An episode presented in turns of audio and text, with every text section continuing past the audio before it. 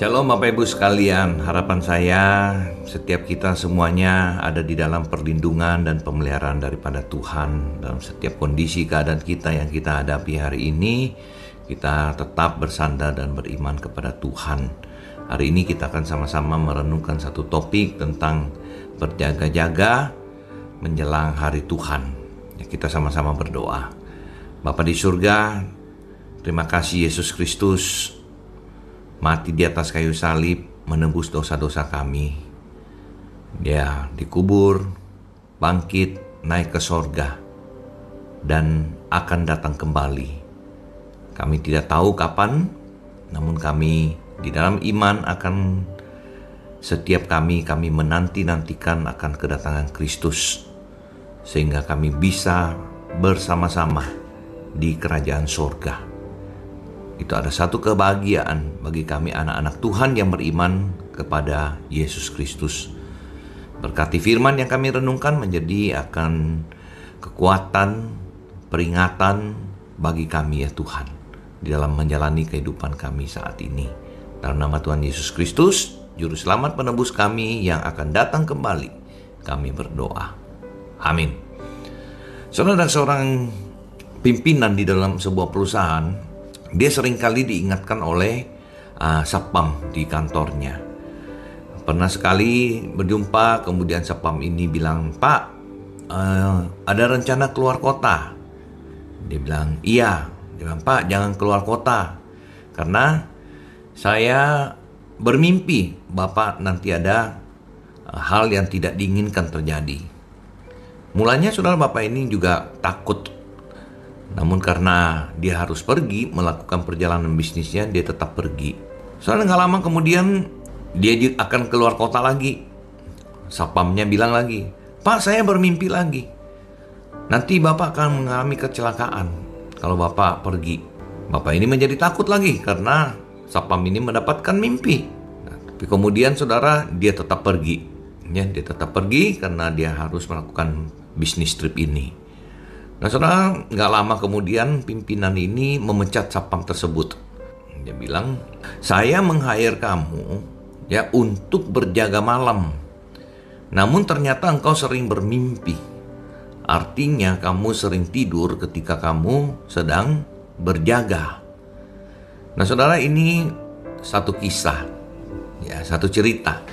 Namun sering kali ini menggambarkan realita kehidupan kita hari ini.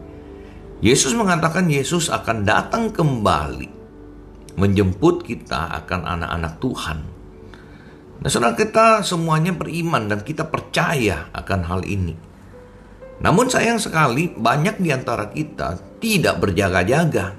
Kita tidak bertanya bahkan mungkin kita tidak peduli sama sekali kapan Yesus Kristus akan datang.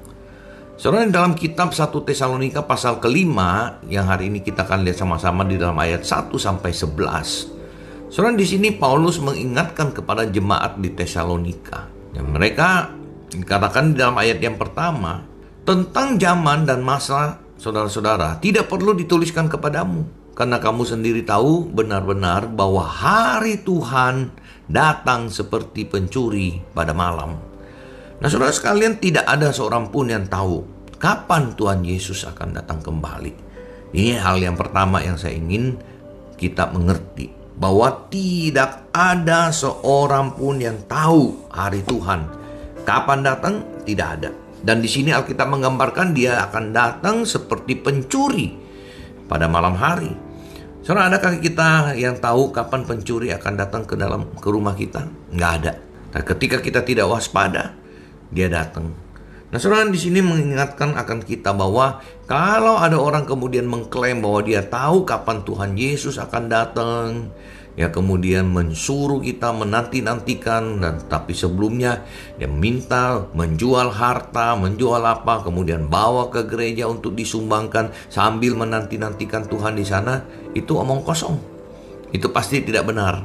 Nah, tidak seorang pun tidak seorang pun. Bahkan Tuhan Yesus pernah berkata bahwa tentang hal itu aku pun tidak tahu. Hanya Bapakku yang di sorga yang tahu. Nah saudara hal yang kedua adalah di sini mau mengingatkan kita ketika kita hidup di dalam penantian akan kedatangan Tuhan Yesus ini. Kita bukan hidup bermalas-malas, kita kemudian mengatakan, "Oh, Yesus mau datang." Ya kemudian kita tidak melakukan apa-apa seperti yang saya katakan tadi. Ada banyak ajaran mengatakan tidak perlu lagi bekerja keras. Tuhan Yesus sudah mau datang. Saudara, tetapi sebaliknya firman Tuhan mengingatkan kita, saudara, bahwa ketika kita hidup di dalam penantian ini, kita itu harus hidup dengan benar sebagai anak-anak terang. Ya dalam ayat yang keempat tetapi kamu saudara-saudara kamu tidak hidup di dalam kegelapan sehingga hari itu tiba-tiba mendatangi kamu seperti pencuri. Karena kamu semua adalah anak-anak terang dan anak-anak siang. Kita bukanlah orang-orang malam atau orang-orang kegelapan Soalnya di sini menggunakan akan dua hal yang menggambarkan kita itu berbeda Ya, kita di sini firman Tuhan mengatakan kita adalah anak-anak terang, anak-anak yang hidup di dalam kebenaran firman Tuhan, sedangkan orang yang tidak menanti-nantikan Tuhan, mereka hidup di dalam dosa dan mereka itu digambarkan sebagai orang-orang yang malam atau orang yang hidup di dalam kegelapan. Jadi saudara, menantikan Tuhan tidak menjadikan kita orang yang pasif, tidak melakukan apa-apa, tapi sebaliknya di sini mengajarkan kita juga dikatakan bahwa ayat 8 tetapi kita yang adalah orang-orang siang baiklah kita sadar berbaju sirakan iman dan kasih dan berketopongkan pengharapan keselamatan. Ingat saudara, IPK ya, iman, pengharapan dan kasih. Jadi saudara di dalam masa penantian di sini Paulus mengingatkan kita, kita harus meng ekspresikan iman kepercayaan kita. Kita harus hidup di dalam penantian pengharapan itu. Dan kemudian kita dalam pengharapan itu kita belajar terus saling mengasihi satu dengan yang lain dan mengasihi Tuhan. Dan saudara yang terakhir adalah firman Tuhan mengingatkan kita, kita adalah saudara seiman, kita adalah penjaga daripada saudara kita satu dengan yang lain. Oleh sebab itu saudara di dalam ayat 11 dikatakan, karena itu nasihatilah seorang akan yang lain dan saling membangunlah kamu seperti yang memang kamu lakukan. Saudara kita harus saling mengingatkan, kita harus saling membangun. Kita jangan saling justru melakukan hal-hal yang bertentangan, kita sebagai orang-orang seiman justru kita itu berantem, kita bertengkar, dan kita tidak membangun, saudara. Karena perselisihan, ketidaksehatian, pertengkaran justru menghancurkan tubuh Kristus, bukan membangun. Nah, saudara sekalian, saya ingin bertanya, kira-kira kapan Tuhan Yesus datang? Tahun depan? 10 tahun? Nggak ada yang tahu. Nah, kita berbicara masalah kemungkinan. Mungkin nggak? Mungkin nggak besok Tuhan datang? Mungkin nggak Yesus Kristus datang kembali besok, saudara? Tentunya kita bilang mungkin. Mungkin sekali. Nah, saya ingin bertanya, siapkah saudara? Jika besok saudara dipanggil Tuhan, atau jika besok Kristus datang kembali, Bagaimana kita ditemukannya? Sore hari ini kita hidup di dalam ketakutan. Kita hidup di dalam kewaspadaan.